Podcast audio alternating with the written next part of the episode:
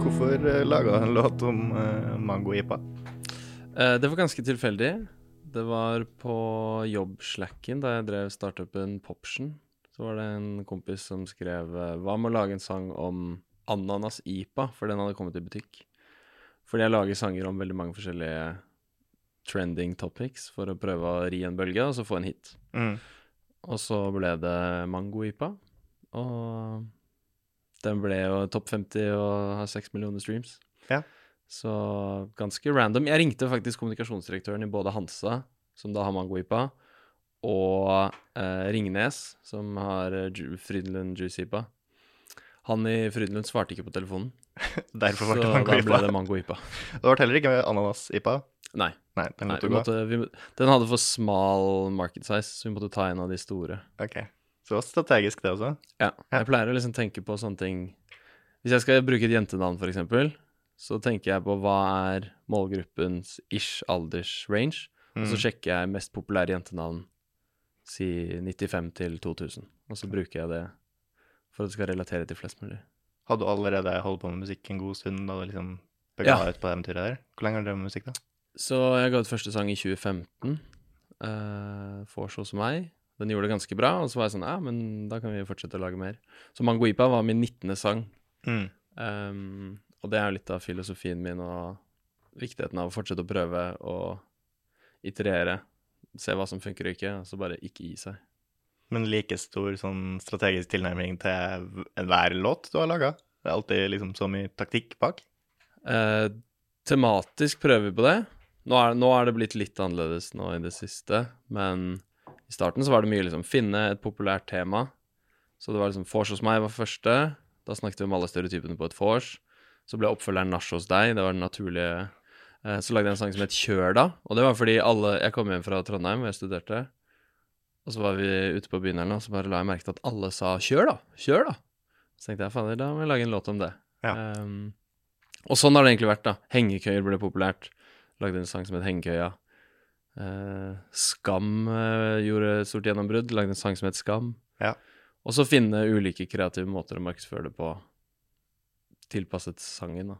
Hm, artig.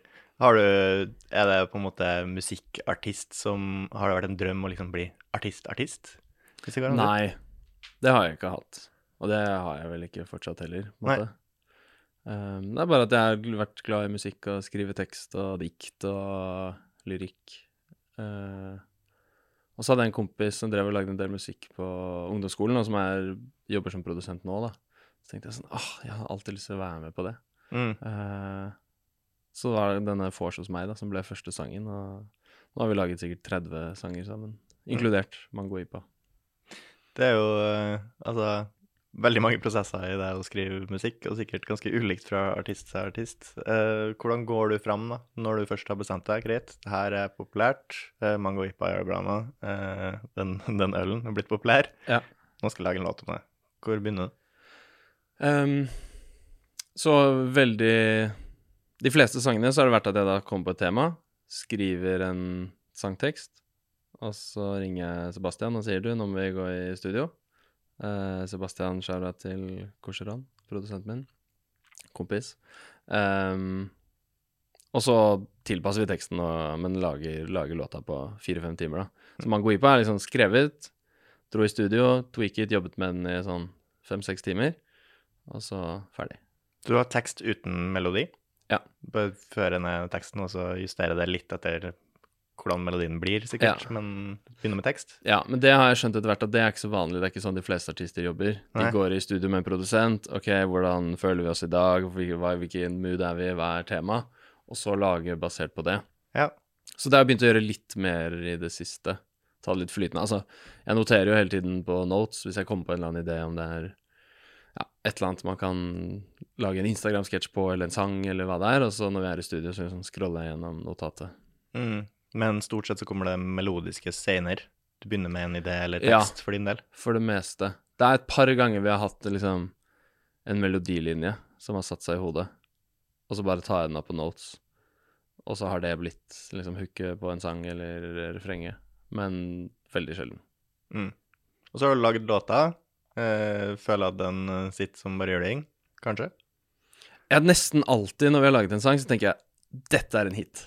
Eh, og det føler jeg er en positiv Det er en god egenskap jeg har, da, at jeg er liksom litt sånn evig optimist, eller sånn Et eller annet kan gå dårlig, og så jeg må lage en ny sang, og så Å, fader, dette er gjennombruddet. Og så 19 av 20 ganger så er det jo ikke det. Men uh, det hjelper meg å holde det gående. Hva, hva gjør man etter, da? Etter låta er laga? Hvordan går man fram for å markedsføre den for å få den Altså, du legger den ut på Mm. Spotify, men hvordan blir den sett? Så her har jeg på en måte brukt litt NTNU-bakgrunnen min. Jeg har gått litt analytisk til verks når jeg har markedsført musikk. Um, og jeg har, hatt, jeg har ikke hatt så mange følgere på Instagram eller TikTok eller noen plattformer. Så det viktige har på en måte vært å finne hvordan kan jeg nå ut til mange lyttere. Og der har jeg gjort veldig mange forskjellige kreative stunts. Så for uh, Skam, for eksempel, som var en veldig populær TV-serie både i Norge og internasjonalt, så ble jeg med Så lagde jeg en fake Facebook-profil for sånn Petter Haga 15 år. Og så ble jeg med i sånn Skam fangroup, uh, Italy, Skam, We Love You, alt mulig, med mange 10 000 medlemmer. Mhm. Og så postet jeg sånn Hei, fant denne sangen om skam, hva syns dere? Eh, og jeg husker veldig godt det var en som kommenterte sånn eh, Dette virker bare som noen kapitaliserer på skam. Uh, så skulle tro hun kjente meg. Men uh, Og det funka, da. Vi kom inn på Top Viral 50 i Sverige. Ja. Og den sangen, da sang jeg både på norsk, svensk og dansk, fordi jeg tenkte dette skal være internasjonale gjennombruddet. Så det jeg har gjort Uh, med Mangoipa, så var det få folk til å danse en dans på TikTok. Og så gikk jeg til andre og sa hei, kan dere kopiere den dansen? Og så plutselig spredte den seg, og flere tusen hadde danset til Mangoipa. Ja. Um, jeg fikk folk til å legge den til i spillelistene sine på Spotify.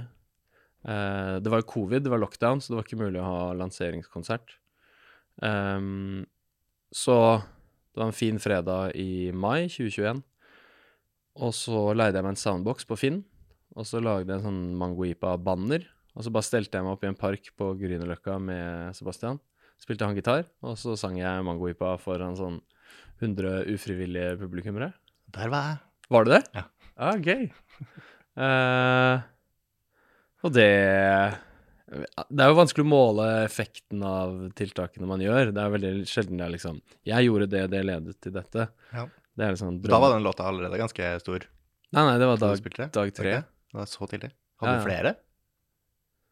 Eh, Hadde du flere som konserter i så nei. Ja, jeg visste ikke at det var så tidlig ut. Så vi Sangen kom den på en låta, er jo onsdag, og så var vi der på en fredag. Jeg er alltid liksom eh, For å dra en annen parallell, så følte jeg meg ganske tidlig ut med å like den Ylvis-låta, for eksempel. What the Fox? Ja, The Ja. Fox. Jeg føler ah, jeg var en av de 30 000 første som så den. Ja. altså, men, ikke at det er noe cred i Nei, seg sjøl, men okay, ok, jeg, jeg satte pris på den før resten av verden gjorde det. Ja, ja, ja, men da gjorde du definitivt det med Mangoipa også. For jeg var definitivt på den konserten. Da, var du, da hørte du på den første 10 000 streams. Nå har den rått. 6 millioner, så det er bra. Rått. Hvordan, eh, hvordan klarer du å se effekten av liksom TikTok, eventuelt å komme inn på en Spotify-liste? Hva, føler du har mest effekt? Ehm, det varierer. Det man vil på TikTok, er å få det til å bli en trend, og at mange kopierer det. Så da kan du bare enkelt gå inn og se hvor mange har brukt sounden på en video. Um, på Spotify så er det jo Du har et sånn analytics dashboard for artister, hvor du kan se hvilke lister er sangen hørt på mest. Så da kan du rett og slett se sånn Å, jeg fikk den inn på den listen her. Har det gitt noen streams eller ikke? Ehm, men det er på en måte summen av veldig mange små tiltak som gjør om det blir en hit eller ikke. da. Og så må jo låten være kul i tillegg. Man kan jo gjøre veldig mye av den efforten her. Altså Hvis låten ikke er bra nok, så har det på en måte ingenting å si. Mm. Men jeg har også inntrykk av at det kan godt hende at det finnes ganske mange låter ut der som er bra nok. Den, har, den jobben her har bare ikke blitt gjort, så derfor har det aldri blitt hørt. 100% Og det er jo mange artister som snakker om at det er problematisk at nå må du liksom først og fremst drive med markedsføring, Mm. Og så er på en måte musikken mer sekundær. Og det er jo Det er mange artister som gir ut låter Hadde den, hadde den sangen vært gitt ut under et eller annet random artistnavn, så hadde den aldri hatt millioner eller milliarder av streams. Um, så mye henger sammen med brand også, da. Ja. Hva ville du liksom lagt kortene dine på hvis du skulle begynt fra scratch i dag? Liksom gjort det når ikke være kjent. Du starter en ny artist. Hvordan skal den første låta mi, som jeg har trua på, Mm. hvordan skal jeg nå ut med den? Jeg tror det hadde vært å lage content til TikTok og Instagram, Ja. egentlig. Du må se SoMe-gamet fullt ut. Ja. Og så er det jo Det jeg har gjort, er jo å bruke andre som har en plattform, for jeg har vært sånn ah, Jeg kommer ikke til å bygge opp en plattform selv. Uh, nå har jeg gjort det litt mer det siste snart året, men før det så var jeg sånn OK, jeg kommer ikke til å få noen følgere på Instagram og TikTok. Jeg må bare gå til de som har mange følgere. Og det er en mye mer effektiv måte å gå til noen som har 50 000 følgere, enn å liksom lage masse innhold og jobbe for det, og så får du kanskje 5000 følgere, som er bra, men eh, ingenting i, i det store bildet, da. Mm. Så det er jo det å Ja, heller få med deg folk som har følgere, og engasjere dem, enn å bygge det selv fra scratch. Ja. Jeg føler jo TikTok er ganske mye mer sånn tilgivende med tanke på følgere. og Du trenger ikke nødvendigvis følgere for at noe skal gå viralt eller for Nei. å få oppmerksomhet. Nei, og det er jo nå også med Instagram Reels, så er det liksom Nå har jeg vel 9000 følgere på Instagram og 6000 på TikTok. Men jeg har på TikTok har jeg videoer med liksom 3 millioner views. Jeg har flere over en million på Instagram. Uh, så det er ikke nødvendigvis noe Koblingen er ikke så tett, da. Ting kan Nei. liksom plukkes opp av algoritmene. Ja, Så hvis innholdet er godt nok, eventuelt låta er god nok, så fins det håp, selv om du ikke har en følgerskare. Ja, og selvfølgelig det er mye humor. Det er i hvert fall den eh, retningen jeg har valgt å ta, da. Ja. Eh, At det er det som funker for meg. Du kategorisere musikken din som humormusikk, eller hva, hvordan vil du kategorisere det? Mm, det har vært litt sånn reise. Lenge så var jeg bare sånn OK, jeg vil lage en hit. Uh, så jeg bare lagde skamløse låter om forskjellige tema. Fortsatt ganske skamløs, men liksom har gått mer inn i humorveien. Og så Nå prøver jeg å ha en filosofi at hvis du hører på låta uten å høre på teksten, så skal det høres fett ut. Men hvis du hører på teksten, så skal det være noe humor du catcher der, da. Mm. Så det er uh, den nye filosofien. Ja. Jeg har eh, inntrykk sjøl, i hvert fall, at terskelen for en humorlåt for å nå et visst nivå er litt lavere. Fordi melodien trenger kanskje ikke å være like bra som en melodi på en vanlig låt. Ja. Og hu humoren trenger ikke nødvendigvis være Nei. standup-artig. Uh, Men hvis du har en ålreit melodi og ålreit artig tekst, så når det litt lenger da enn det samme stående alene. Ja. Mens for å nå skikkelig høyt med humor og melodi, så må det på en måte være, da må det være jæklig bra for at det skal få nok oppmerksomhet, fordi den kategorien er egentlig ganske liten. Ja. Selv om du har jo da, som eksempel i stad, The, The Fox og Psy, som Mm. de breaka jo på en måte internett med humormusikk. Ja. Det er jo det Ja. det er. Psy også var Ja. Det er jo tullemusikk i til en viss grad. Så det er jo det at eh, Ja, selv om du ikke hører på teksten, så altså, må det høres ut som en bra låt, på en måte. Mm. Um, altså, det må høres ut som all annen musikk man hører på. Ja. Og det, det er um, samme venninne som heter Emily, uh, ikke Gucci Caliente, som er produsentnavnet hennes. Så lagde vi en sang i fjor våres. Så mye av det her er prøving og feiling, ikke sant. Så vi lagde en uh, Så det vi snakket om Ok, jeg må ta det litt tilbake. Jeg har hatt litt filosofien at jeg lager en låt, og så gir jeg den ut. Uh, ganske sånn. Lage en låt, gi den ut. Lage en låt, gi den ut. Veldig mange artister lager låter, lager låter Nei, det er ikke bra nok, det er ikke bra nok. Og så gir de ut kanskje én av 20 låter. Men jeg har vært mer sånn. Jeg går i studio, lager en låt, vi gir den ut. For det har ikke vært noe stolthet i det som jeg måtte, måtte bevare. Um, og så innså jeg at man bruker veldig mye tid på å gå fra et skis, en skisse på en låt, så liksom man kan lage et vers og et refreng ganske fort, men det å ferdigstille den, eh, sende den inn til Spotify, lage albumcover, liksom Alt det der er ganske mye ekstra arbeid. Så det vi begynte å se på, var OK, kan man lage en skisse til en låt, lage en video? Hvis det gjør det bra, så ferdigstiller vi låten og gir den ut. Så liksom en raskere måte å iterere, da. Mm. Så først lagde vi en som het Buss for tog, som kødda med Bane Nor, og om sommeren så stopper alle togene, og det er buss for tog overalt. eh, Og båt for buss og uh, bare tull. Um, gjorde det sånn ganske greit. Innså at ok, den mangler kanskje litt refreng. Vi trenger noe som er liksom mer catchy hook. Så lagde vi en ny som het uh, Do you know how much this cost in Norway? Som da liksom et vers om noen som er i Syden, og så bestiller en pils, og ah, det koster bare 3 euros. Ehm, og den skjøt fart. Den skjøt Ja. fart på, på TikTok og Instagram og har mange millioner views på de videoene. Og det er mange som har brukt eh, videoene selv. Så tenkte vi fader, her, denne sangen lager vi. Men den har streamet veldig dårlig, og vi tror det er fordi versene er mer sånn sketsjete eller mer sånn revy. Det er veldig kødd. Det høres ikke bra ut. Ja. Så det er, det er morsomt, men du må på en måte følge med, og det er ikke noe du har lyst til å ha på i bakgrunnen på et vorspiel, liksom sånn. Melodien er ikke god nok til at det kan druknes ut på et forspill, liksom. Nei, så i hvert fall altså, vokalen er problemet, da. Ja. At det er veldig sånn er, Jeg synger på sånn kødden Østfold-dialekt og Ja. utgir meg for å være en eldre dame, liksom. Um, men ikke sant, vi hadde jo aldri lært det her hvis ikke vi hadde prøvd. Nei. Så videoen gjorde det dritbra. Uh, fikk masse views, fikk følgere av det. Og så on to the next one, da. Uh, OK, vi må ha et hook, vi må ha vers som liksom Det må høres bra ut. Um, så er det uh, Do you know this cost in Norway var humor med musikk. Og så må man kanskje snu på det og heller gjøre musikk med humor, da. Mm. Um, så det er der vi, der vi er nå. Hva den Jeg syns den, hele den kategorien humormusikk er interessant, for det er jo selvfølgelig, for, som du nevner, det er forskjeller der òg. Det er forskjell fra å stå på scenen og gjøre standup med en kassegitar. Der teksten er artig, som Steven Lynch og Flight of the Mm. Concords-aktig. Men Flight of the Concords gjorde kanskje en liten sånn overgang. Jeg vet Ja. ikke hvor kjent du er med dem, Nei, men da. For å ta et annet eksempel, av Lonely Island. Ja. Dem har du sikkert sett noe av. Ja, Det er jo åpenbart humormusikk, men hvis det bare står på i bakgrunnen, så er det, trenger du ikke nødvendigvis tenke over det, hvis Nei. du vet det.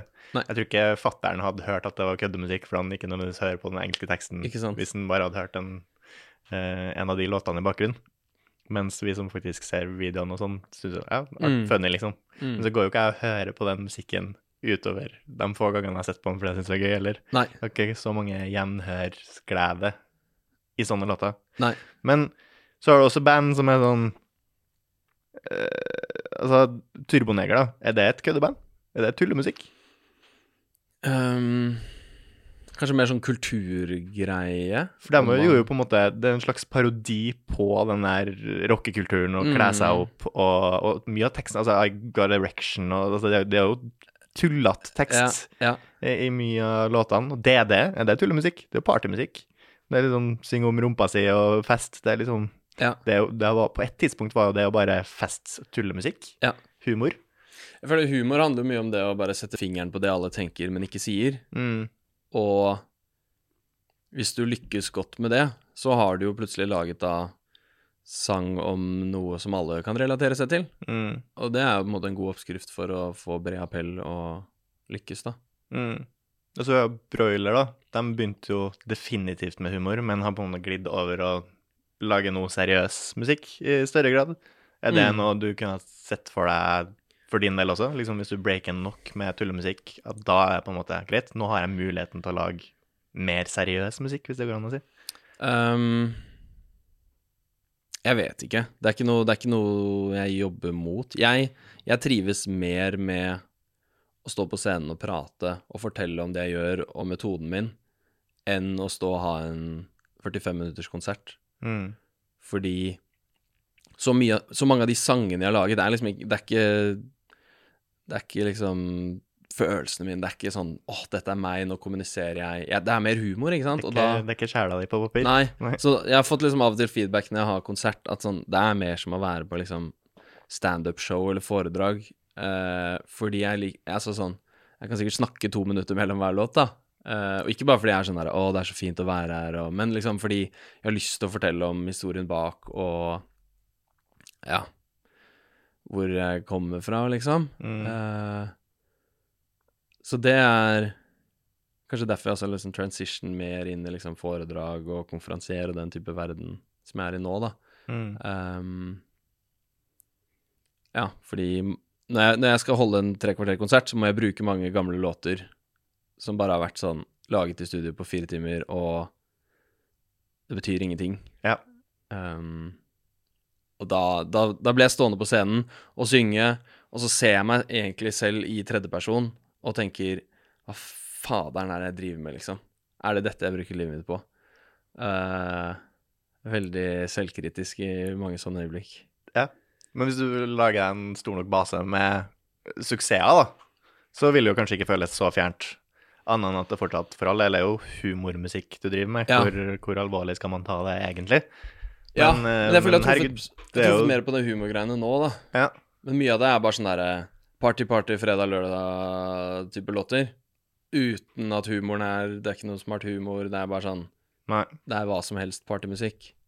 Og det føler jeg ikke jeg kan stå helt inne for, på en måte. Eller sånn. Det er ikke noe gøy å stå og fremføre det. Nettopp.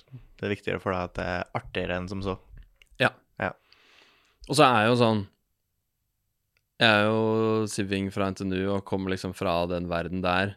Og jeg føler på en del måter at jeg identifiserer meg mer med det enn liksom partyartist, som noen kanskje tenker at jeg er, da. Mm. Så da Og det kommer jo lettere frem når man faktisk da åpner kjeften og snakker litt. Fordi jeg kan skjønne at sånn hvis du bare hører liksom ti av mine 15 første låter Kun hører Slam Dunk, så vet man ikke Ja. nødvendigvis hvem Petter er. Nei, Nei. exactly. Hva, hvordan endte du opp i det miljøet der, da? Hvordan eh, endte du opp på entreprenørskolen osv.? Um, så jeg gikk eh, Begynte på Induc på NTNU i 2014. Og så husker jeg um, Broren min, vi hadde en samtale da jeg gikk i andre klasse. Han gikk eh, tre år foran meg på NHH. Og vi har alltid vokst opp eh, Pappa er gründer, har liksom drevet for seg selv i alle år. Um, så jeg har liksom vokst opp med den i, i kulturen, både i familien, at liksom sånn Gjøre ting sjæl, og hvis pappa skulle høre oss i prøver, så var det liksom Nei, det var feil svar, men han ville alltid at vi skulle liksom Hvorfor er det sånn? Så liksom grave og forstå. Så jeg husker broren min ringte meg, og så var han sånn Du, fader, ass, vi skal ikke bli entreprenører, da, liksom bli gründere. Da skulle han til å begynne i Schibsted etter NHH. Så var jeg sånn Ja, det fins noe som heter NTNUs entreprenørskole, men det ville jo vært helt sjukt å ikke fullføre Induc og bli konsulent. Det er jo den veien jeg skal gå, liksom. Og det, alle inndøkkere går den veien.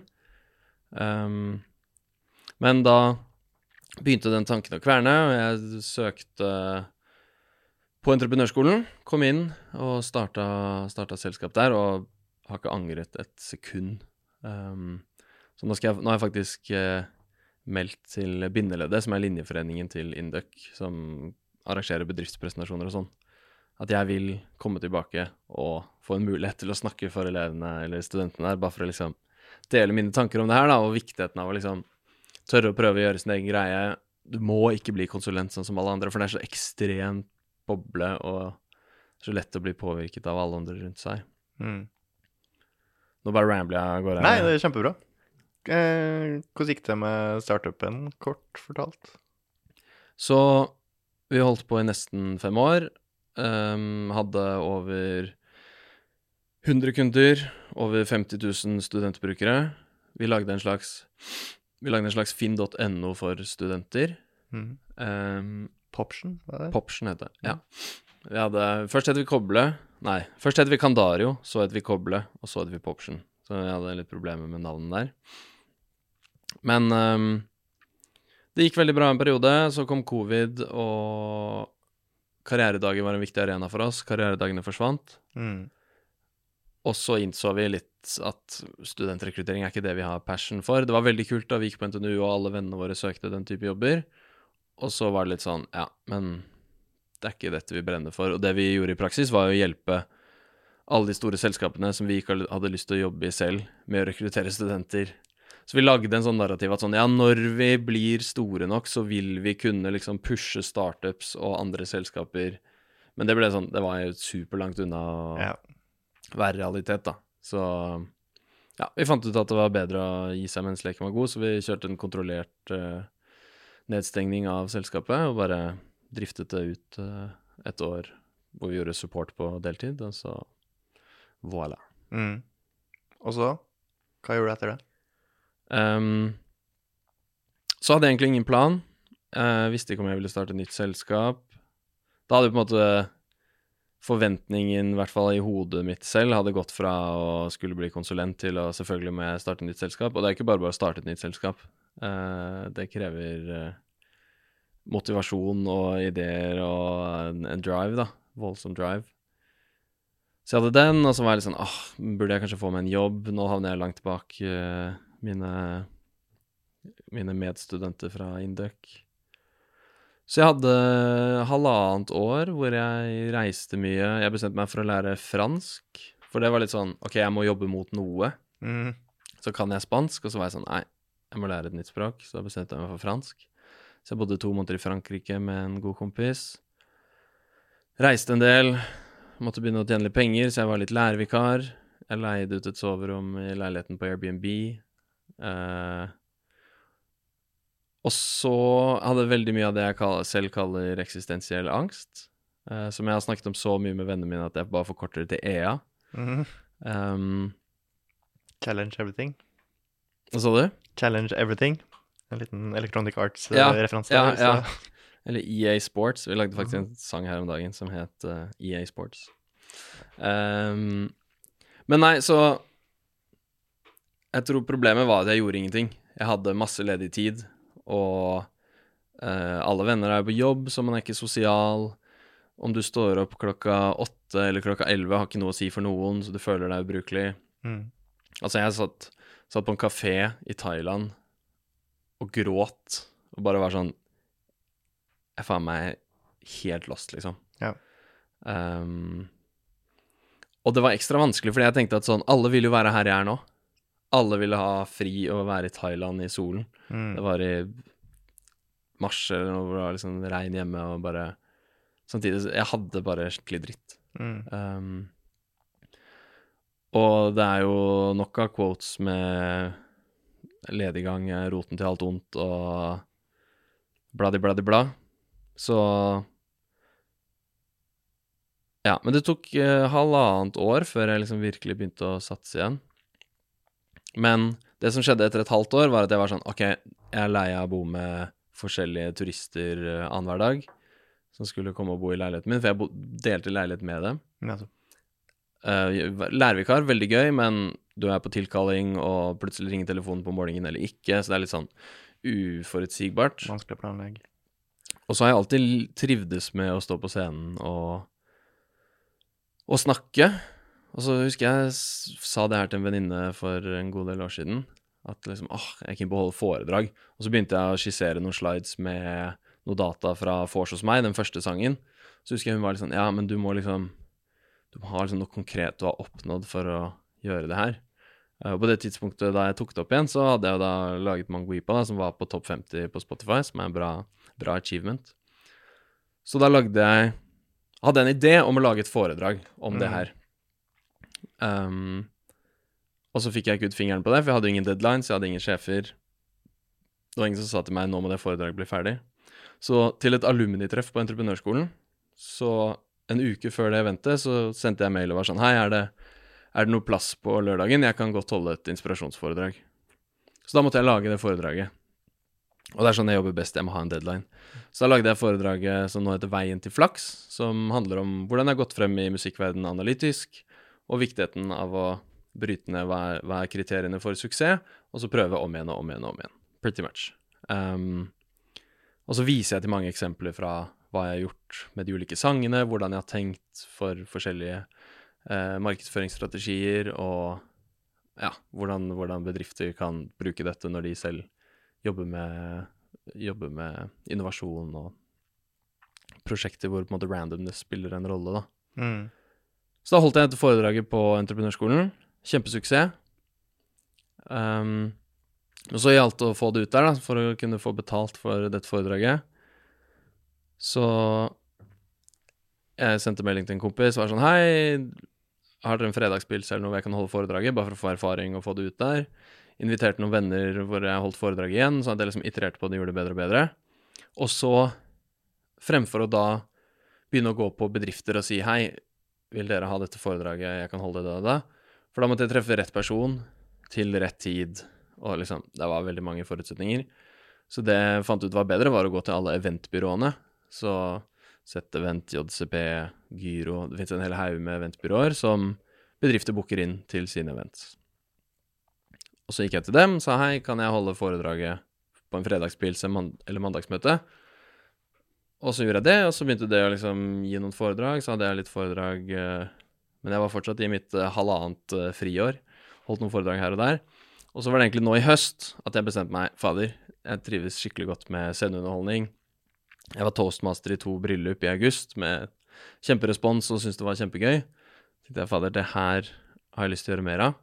Og da Da endra jeg på en måte gir, da. Da var det all in på eventbyråene, double down, lage promo til LinkedIn, snakke med folk, få ordet ut der. Og da merket jeg altså veldig stor forskjell i at ved å si til folk 'nå satser jeg på det her', så er folk i bransjen mye mer interessert i å jobbe med deg og bidra. Fordi i mitt, uh, kall det friår, da, så var det litt sånn Ja, Petter holder litt foredrag her og der, men han gjør det for å tjene penger og bare Du gidder ikke å jobbe med folk som er sånn half-fast. Mm. Um, så det var en veldig stor endring. Så den siste, den siste høsten nå har vært veldig, veldig kul, og har begynt å se liksom nå de siste månedene resultatet av efforten, da. Og at det blir Får en del forespørsler om foredrag og konferansier og sånne type ting. Du sier at du solgte deg inn til um, Begynte med å liksom prøve å selge deg inn til uh, eventbyrået og sånn. Hvordan, hvordan gikk det?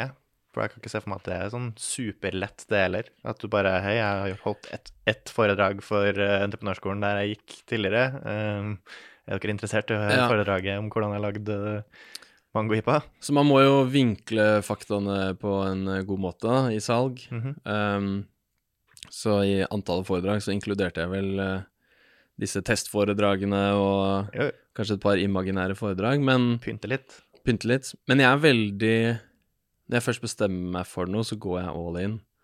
Og hvis jeg sender mail og ikke får svar Jeg, jeg sverger til to do-listen min. Jeg får ikke gjort noen ting uten to do-listen min. Så når jeg da sender en mail til noen, så legger jeg i to do-listen min følge opp denne personen, og så setter jeg det kanskje seks dager frem i tid, eller et eller annet sånt. Eh, så det er sånn Det er noen jeg fikk svar på på fjerde mail, på en måte. Uh, og så det er jo ikke Når folk ikke svarer, så er det ikke at de nødvendigvis ikke har lyst til å svare deg, men de bare er busy, og ting skjer, og en eller annen random foredragsholder som tenker at han vil holde foredrag, får de sikkert tre av i uka, da. Mm. Men da er det bare å ikke gi seg og stikke seg litt ut og være kreativ, rett og slett. Så um, Så får man en fot inn døra, og så baller ting på seg. Jeg har ikke blitt booket i veldig mange foredrag gjennom eventbyråene. Mye kommer gjennom nettverk, folk som har sett meg før, eller venners venner. Eh, også en del på Talelisten, som er en foredragsformidler. Men Du er jo nominert til årets nykommer, er ikke jeg var nominert. Det var event i forgårs. Jeg var faktisk konferansier på det eventet. På det eventet? Ja. Eh, Da har du på en måte vunnet uansett, har du ja, ikke? ja. Så jeg vant ikke årets nykommer, men um, veldig kult å bare være med og Der òg er det veldig mange som Folk jobber alene, og det er gøy å være sosial og treffe andre som driver med samme ting. Mm. Hvordan uh, klarte du å på en måte komme deg videre fra det å føle deg helt lost og gråtende på ferie i Thailand? da? Um, det er Det må være noe med indre motivasjon, men samtidig så er det sånn Du må bare sette i gang. Du må bare gjøre ting. Fordi uh, jeg kjente veldig på at i den perioden så prøvde jeg flere ganger å starte på noe, og så var jeg sånn Wow, dette var digg, og man føler seg nyttig, og det var gøy å gjøre ting. Um, jeg hadde et prosjekt hvor jeg var sånn Ja, rett da Dally og AI-kunst kom ut, så lagde jeg en tjeneste hvor folk kunne typ fylle ut et form og beskrive hva de ville ha, og så lagde jeg det i Dally, og så sendte jeg det hjem til dem. Så Mm. liksom jeg lagde en sånn AI-kunstbestiller. Um, veldig gøy og, og masse motivasjon, og så gikk det sånn to uker, og så var jeg sånn ah, dette gidder jeg ikke. Mm. Um, men masse lærdom i det, da. Men um, jeg tror det er viktig å komme i gang og gjøre noe, og det er uh, I fjor så bestemte jeg meg for, eller forfjor, så bestemte jeg meg for å lese alle Min Kamp-bøkene til eh, Karl Ove Knausgård. Og det er sånn, når jeg får en sånn obsession på et eller annet jeg skal gjøre, så gjør jeg det, på en måte. Um, så jeg satt nede i Thailand og gråt og leste Knausgård. Eh, Jeg vet ikke om det gjør at man blir noe mer lykkelig. Men han hadde et sitat i bok seks som jeg har hengt meg veldig opp i, som er Grenser skaper forskjeller, forskjeller skaper betydning, og det er derfor menneskets urangst er for det forskjellsløse. I det blir mennesket utslettet. Så kort fortalt, du trenger forskjeller i livet. Altså, hvis fredag kommer og det er helg, og det er ingen forskjell fra hverdag og helg, så kommer liksom livet til bare bli sånn gråtoner, da. Alt bare blender ut. Eneste forskjellen for meg var sånn Å ja, nå er kompisene mine også fri, liksom. Um, så man trenger å pushe seg til å gjøre ting man ikke har lyst til å gjøre. For det kommer til å være digg. Men det er sjukt vanskelig. Det var flere rundt meg som var sånn Ja, men Petter, nå må du bare sette i gang, og du har så mye potensial, du er smart, og dette fikser du, liksom. Men jeg hadde ikke lyst til å gjøre noe. Men på et eller annet punkt så må man bare sånn OK, nå skal jeg kjøre på. Nå, nå, nå må det skje. Mm. Min opplevelse av det.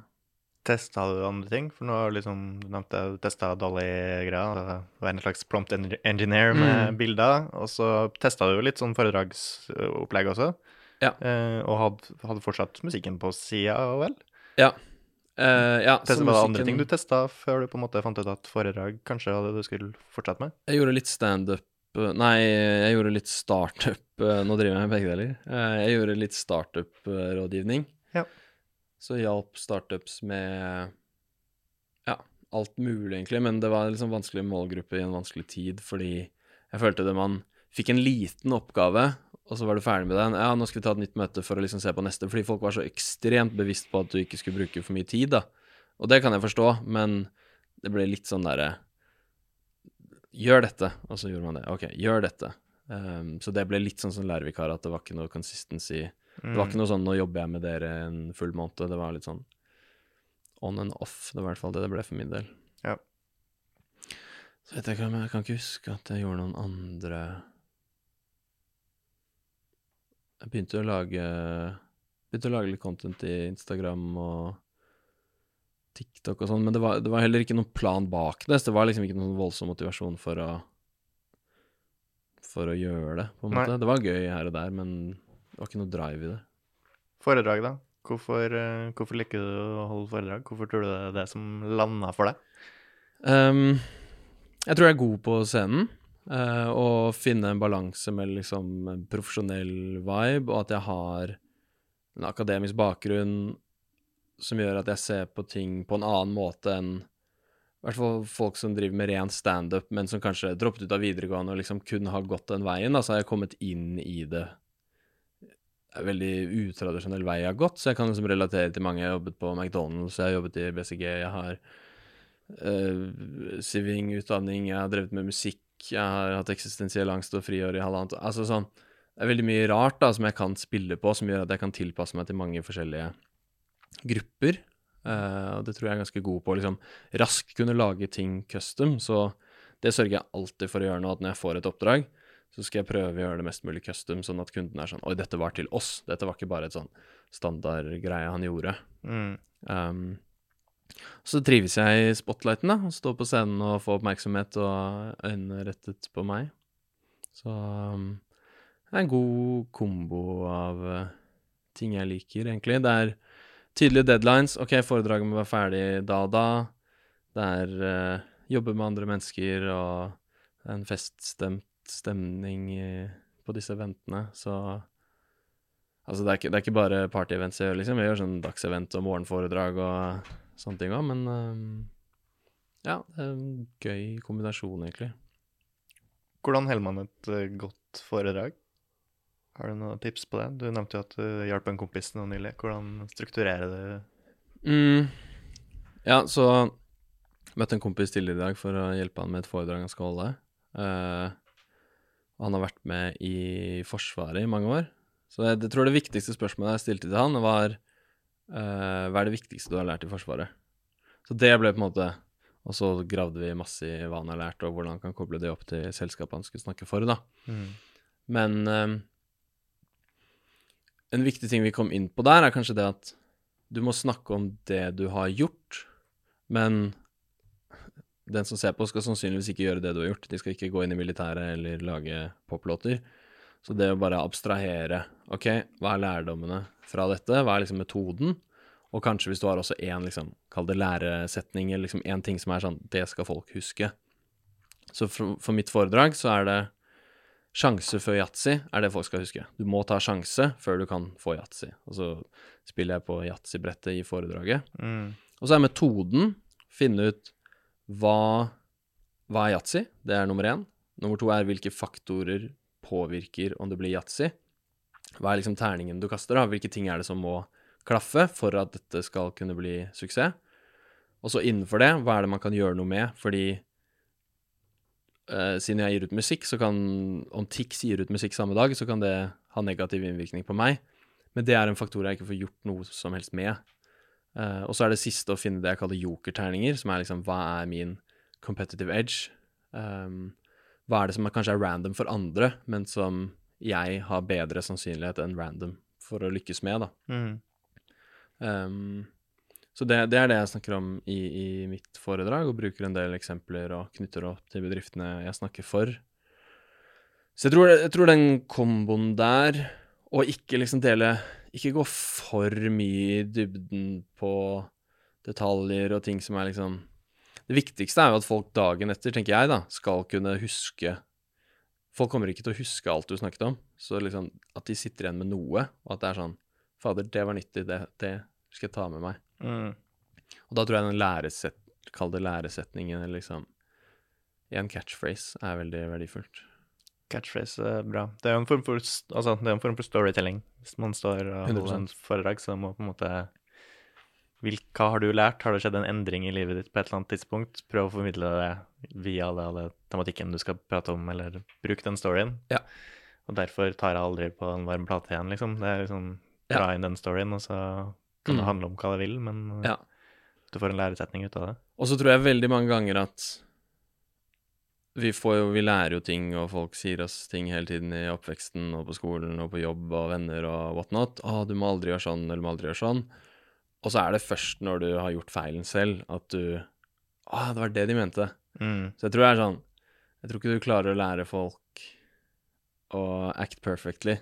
Du, en, du, kan ikke ha en person på deathbeden som sier ah, 'Her er alle feil jeg gjorde i livet mitt', og så går du gjennom livet uten å gjøre de feilene. Det går ikke. Nei. Men når man kanskje står i situasjonen selv da, og har gjort feilen, at du innser at sånn Ah, det var det han mente. Ja. Um, så tror jeg en ja, kombo. Hva er perfekt lengde på et foredrag? da? Er det noen regler der? Nei, kommer an på kontekst. Jeg har en kortversjon som er 15. Jeg har en langversjon som er 45. Mm. Um, så det kommer bare an på settingen. Hvis det er mer feststemt setting, folk står, folk har en pils, så skal du gjerne ha kortere fordi attention span er kortere. Mm. Er det midt på dagen og du skal bryte opp, så kan det være rom for litt lenger. Ja. Så kommer helt an på. Hvis jeg jobber nå for uh, okay, Red Bull Norge, og vi hyrer inn uh, Petter Haga til å ha foredrag for oss. Mm. Hvordan, mm. hvordan angriper du det? Um, som regel starter jeg med å gjøre research calls med selskapet, og da gjerne med forskjellige folk i forskjellige stillinger i forskjellige avdelinger, for å forstå hva, hvordan ser hverdagen til folk ut, hva er det som er fokus om dagen, hva er utfordringer, er det ting man kan kødde med der? Uh, og så kommer det litt an på sånn, hva vil de ha mer humoristisk, eller vil de ha et litt mer faglig motiverende, inspirerende? Forskjellige twister på det, da. Um, og så prøver jeg egentlig da å sy sammen et innhold basert på det. Uh, basert på kunden, basert på kontekst. Jeg bruker veldig mye slides, veldig mange slides i presentasjonene mine. Mm. Så foredraget mitt Veien til flaks, 30 minutters versjonen, har ca. 300 slides. For i alle dager. Hvorfor det? Så det er ti slides i minuttet. Hvert sjette sekund er en ny slide. Det er bare en måte å presentere på som jeg har funnet at funker bra for meg. Det er litt sånn hjernen min funker, at jeg gjør sånne rare sidesprang. Og de er veldig vanskelig å henge med på uten slides. Jeg burde egentlig hatt slides eh, med her i dag, kanskje. Men Og da er det også lett å holde oppmerksomheten til folk, så det er liksom ett poeng av gangen. Hvis du faller ut, så er du på en måte med igjen ja. fem sekunder senere, for da er det en ny slide. Uh, så Og så syns jeg det er gøy. Det er gøy å ja. lage. Du burde jo nesten hatt video. Ja. Altså hele video. Da er du oppe i 24 sekunder. Ja, og enda sant, mer. sant. Ja. Jeg 24 et, slides i sekundet. Ja. det som er målet. Jeg holdt et foredrag forrige uke som um, Som Det ble filmet.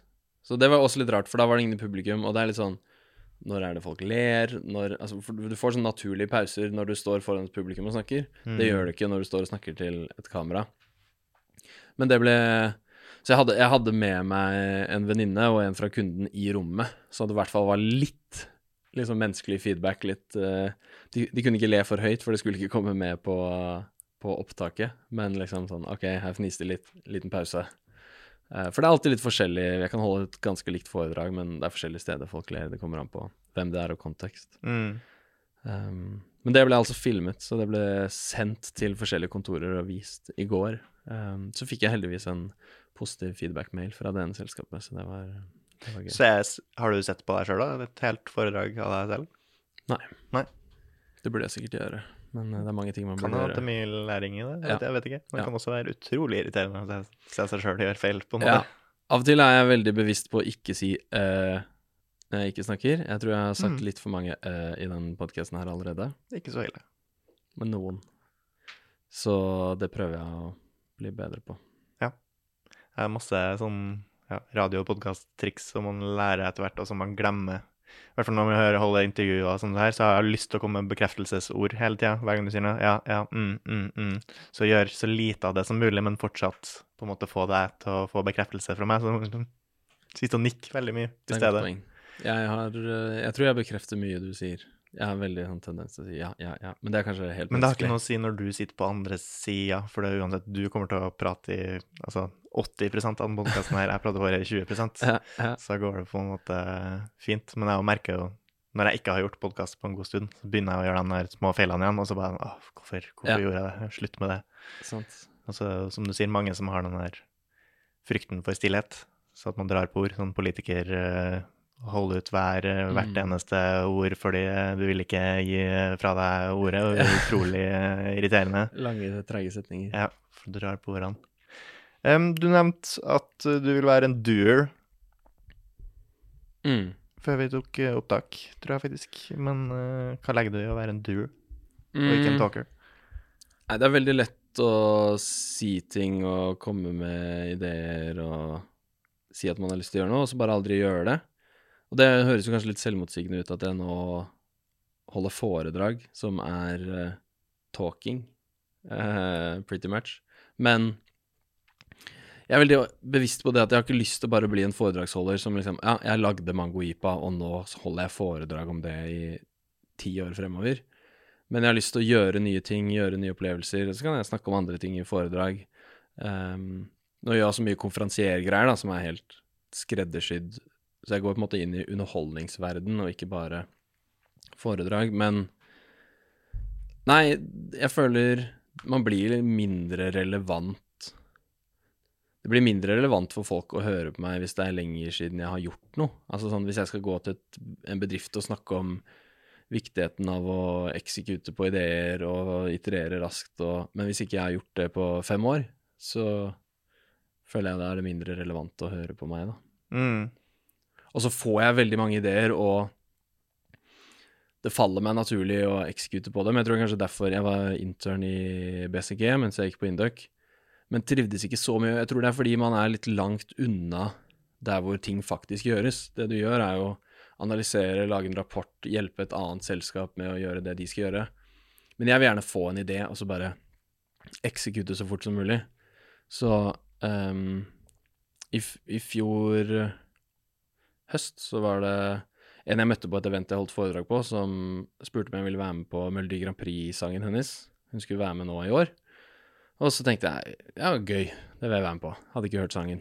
Um, og så var vi med nå, da, på Melodi Grand Prix delfinale 1. Vi røk ut, dessverre, så det ble kortvarig Vi var med i åtte dager fra pressekonferansen til, til eh, delfinalen. det er mer enn de fleste. det er mer enn jeg har jo fleste. for eksempel ikke vært med på. Melodi Grand Prix. ja.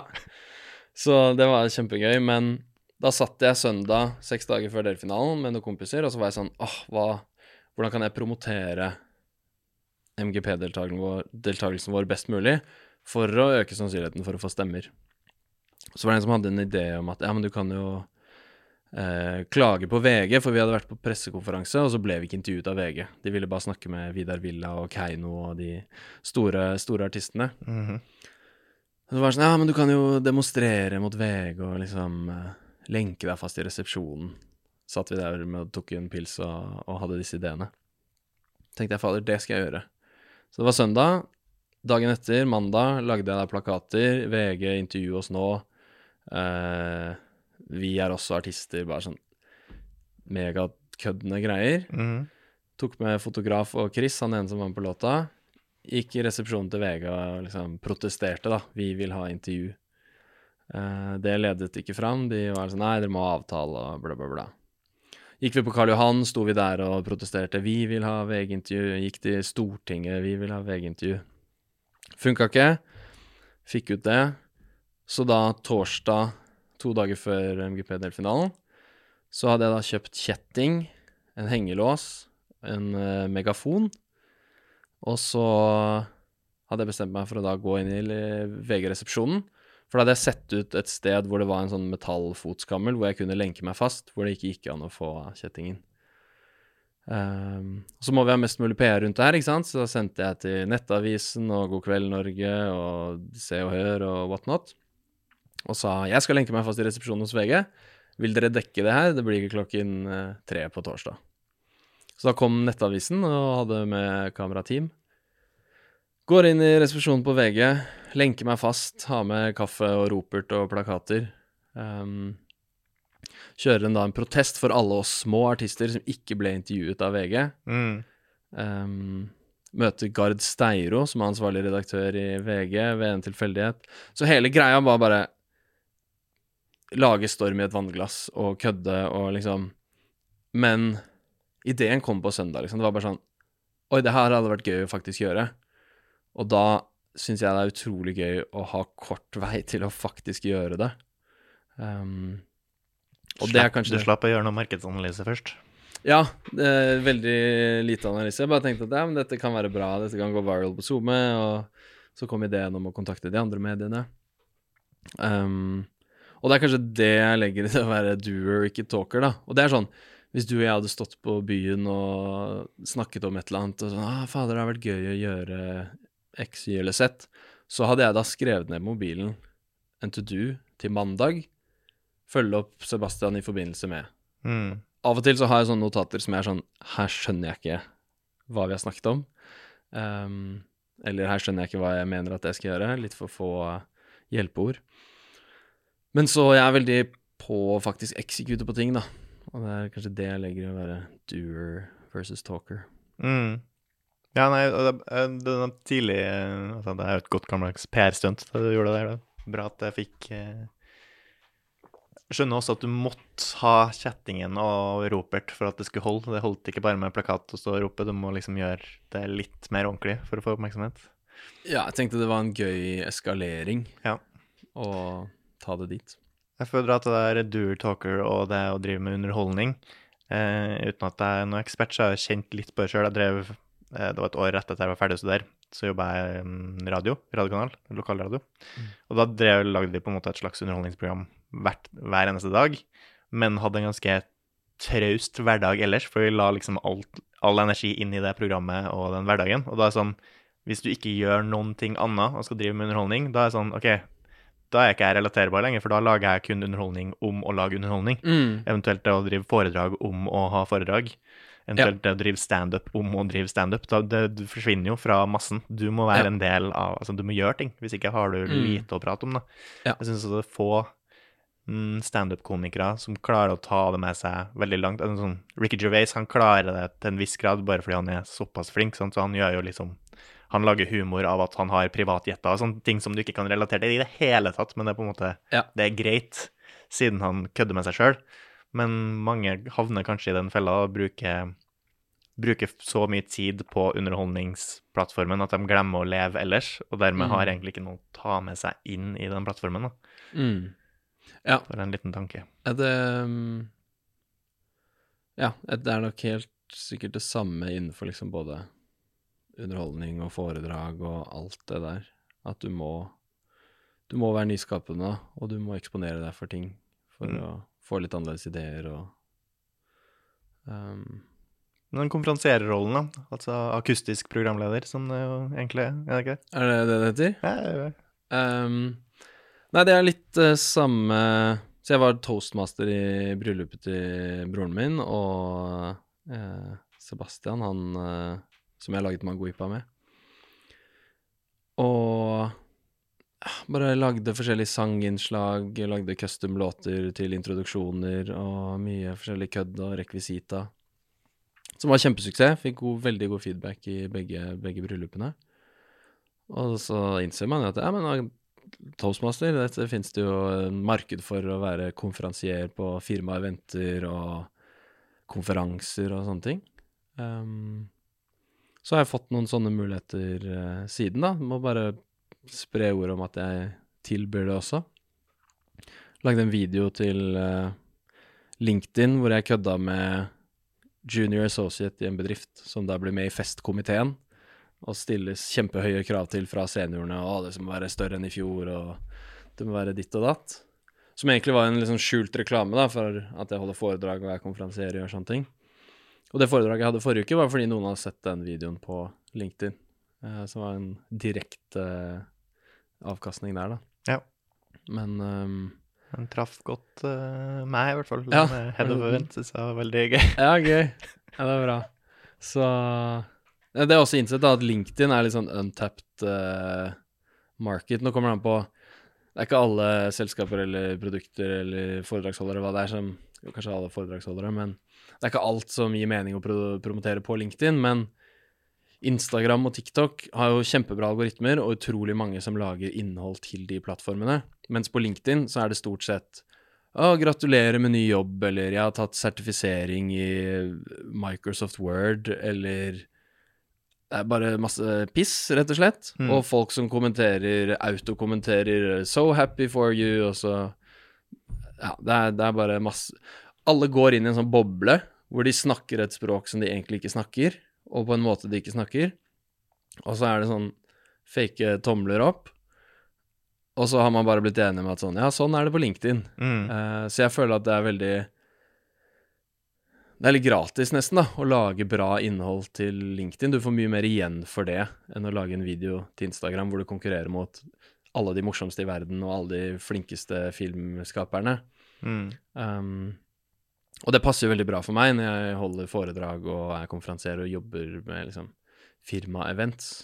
Uh, men det å bare bryte med den lingoen og snakke på en annen måte, vise innhold du egentlig ikke tenker du skal se på LinkedIn, det har funket bra, føler jeg. Hadde du kunnet sett for deg liksom programlederrollen? Det er jo litt sånn overført, overførbart, føler jeg, fra Jeg tenker du liksom TV-verden? Ja.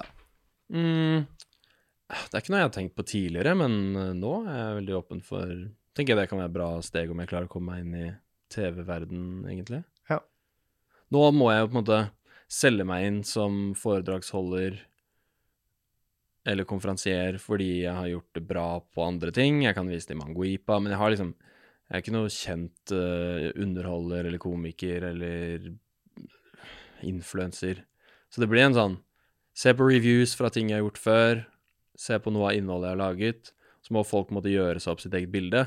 Men det er jo mye lettere hvis, ja, hvis de hadde vært sånn ah, I don't know. Hvis jeg hadde hatt navnet til Hvis jeg hadde vært kjent, da, rett og slett. Eh, Mm. så mange bedrifter betaler jo for det. Ok, vi skal ha dette firmaeventet. Hvis vi putter noen på scenen som alle vet om, så er det bedre value for money, på en måte. Så er jo de dyrere, da. Mm. Jeg må på en måte prøve å overdeliver underpay, som jeg kaller det. Um, det ser ut til å funke, men eh, det er jo litt sånn Må dra i gang eh, Få det til å begynne å rulle, da.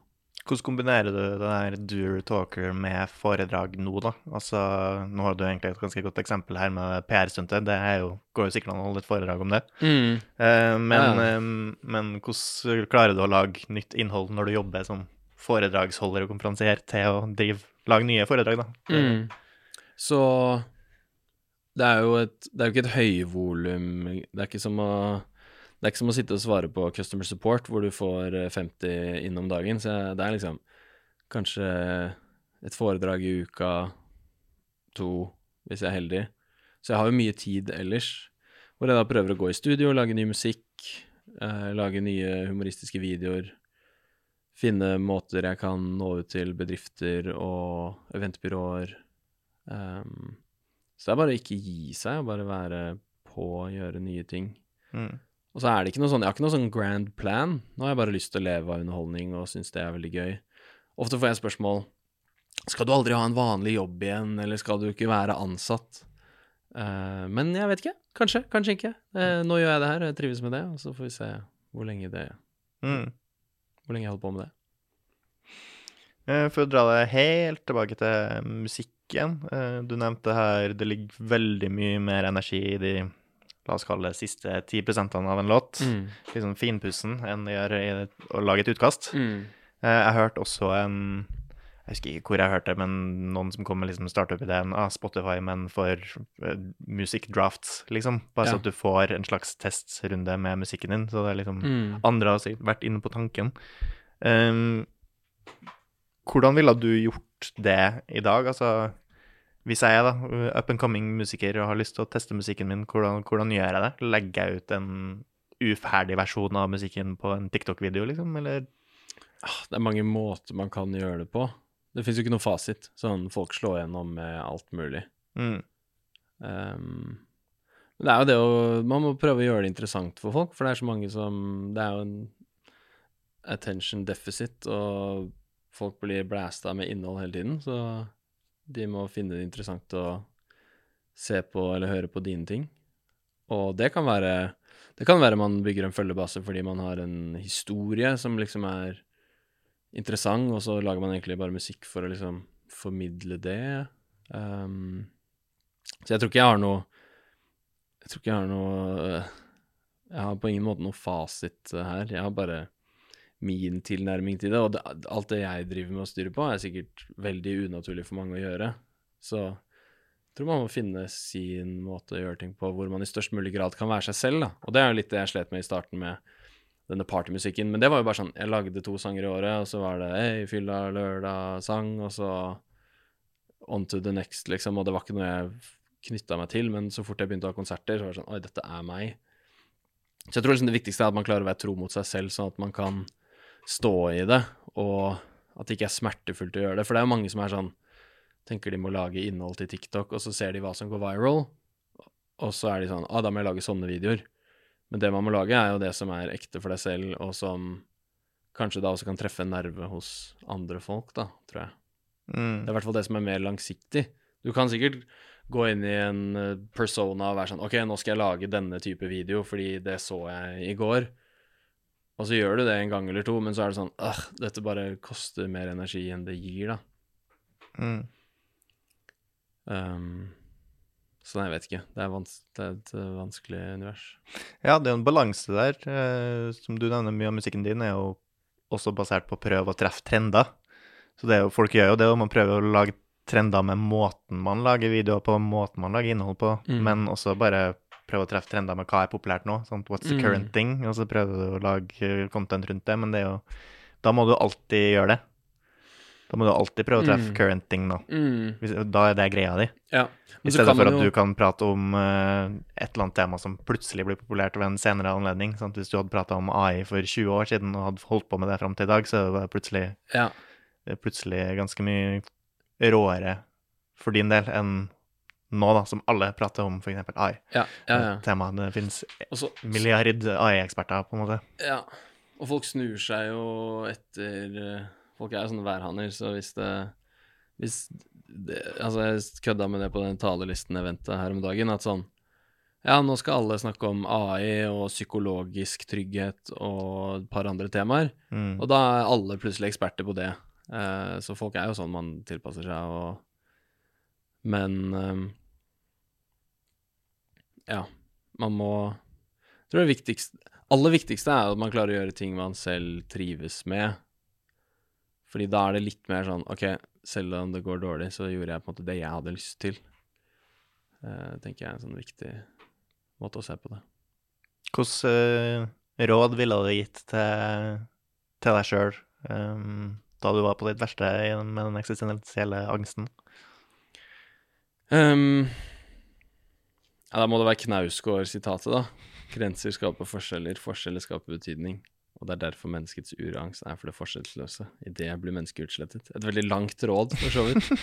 Men det er jo bare man blir, ikke, man blir ikke happy av å ikke gjøre noen ting. Altså, man må bare komme seg ut og sette i gang. Og for mange er det sikkert obvious, men eh, det tok meg tid å Jeg hadde liksom vært helt fra jeg var liten, da, så hadde det vært en kontinuerlig, naturlig neste steg hele tiden. Det var barneskole, ungdomsskole, videregående. Jeg skulle ha friår, men jeg skulle begynne å studere. Begynte på NTNU, startet selskap på NTNU. Og så var det plutselig sånn ah, men what's, what's next, liksom? Der var det ikke et naturlig neste steg. Og mange tror jeg havner i Sier man da kommer inn i en eller annen jobb etter studiene som alle andre på studiet begynner inn i, og så går det noen år, og så innser man at fader, det her, hva er det jeg driver med, liksom? Dette trives jeg ikke med i det hele tatt. Og så får folk den, om det er da en kvartlivskrise eller midtlivskrise, men liksom som kan være deres form for eksistensiell angst, da, hvor de er sånn Hva er det jeg egentlig bruker tiden min på? Så jeg tror det er veldig vanlig å få. Um, men da innser man at sånn Man må gjøre ting, rett og slett. Og det tror jeg er skummelt sånn hvis man er Altså sånn hvis man ikke har det bra, og så er da resultatet å liksom gå ut av jobb og isolere seg Altså, jeg, nå, nå melder jeg litt, men uh, det kan være nesten enda farligere, da. Sånn, det kan være Det er mye verdi å dra ut og treffe folk og se andre mennesker, fordi noe av det verste jeg gjør, er når jeg liksom bare står opp, blir i leiligheten min, hvis jeg ikke kommer i gang med noe produktivt. Da kommer jo alle tankene og herregud, jeg er alene i verden, og jeg får ikke noe, til noen ting', og ensomheten og ubrukeligheten. Men så går jeg ut, og så er det sånn Oi, dagslys. Oi, et annet menneske. Eller sånn, det er, så, det er ikke så mye som skal til av og til, da. Så liksom det å isolere seg tror jeg er veldig farlig. Mm. Jeg kan dra paralleller til det sjøl òg. Jeg har vært arbeidsledig i, i lange perioder tidligere. Er For øvrig slags frilans mellom arbeid nå også. Men jeg husker første gangen jeg liksom var arbeidsledig et halvt år først, en periode. Og da er det sånn Først så føler du deg ubrukelig fordi du ikke er på jobb, liksom. Eh, og så blir det mer og mer ubehagelig å møte vennene dine, for det er sånn Ja, hva driver du på med om dagen? Ingenting. Så det er liksom ubehagelig å ha de samtalene med folk. Du, hvis du ser folk på gata, så har du ikke lyst til å stoppe og prate med dem, fordi du har ingenting å bidra med.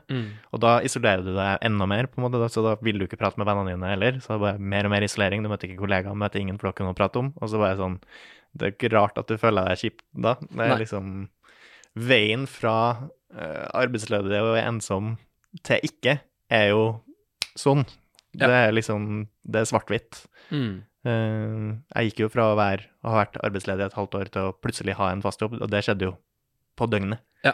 Det er liksom ikke den endringen. Endringene kan skje så fort, Mm. så må liksom ikke tenke at det varer evig, da. Og også hvis du har en kompis som er arbeidsledig, så er det sånn Du vil jo godt fortsatt henge og prate med den kompisen, ikke føle at du er en byrde eller sånne ting, liksom. Mm.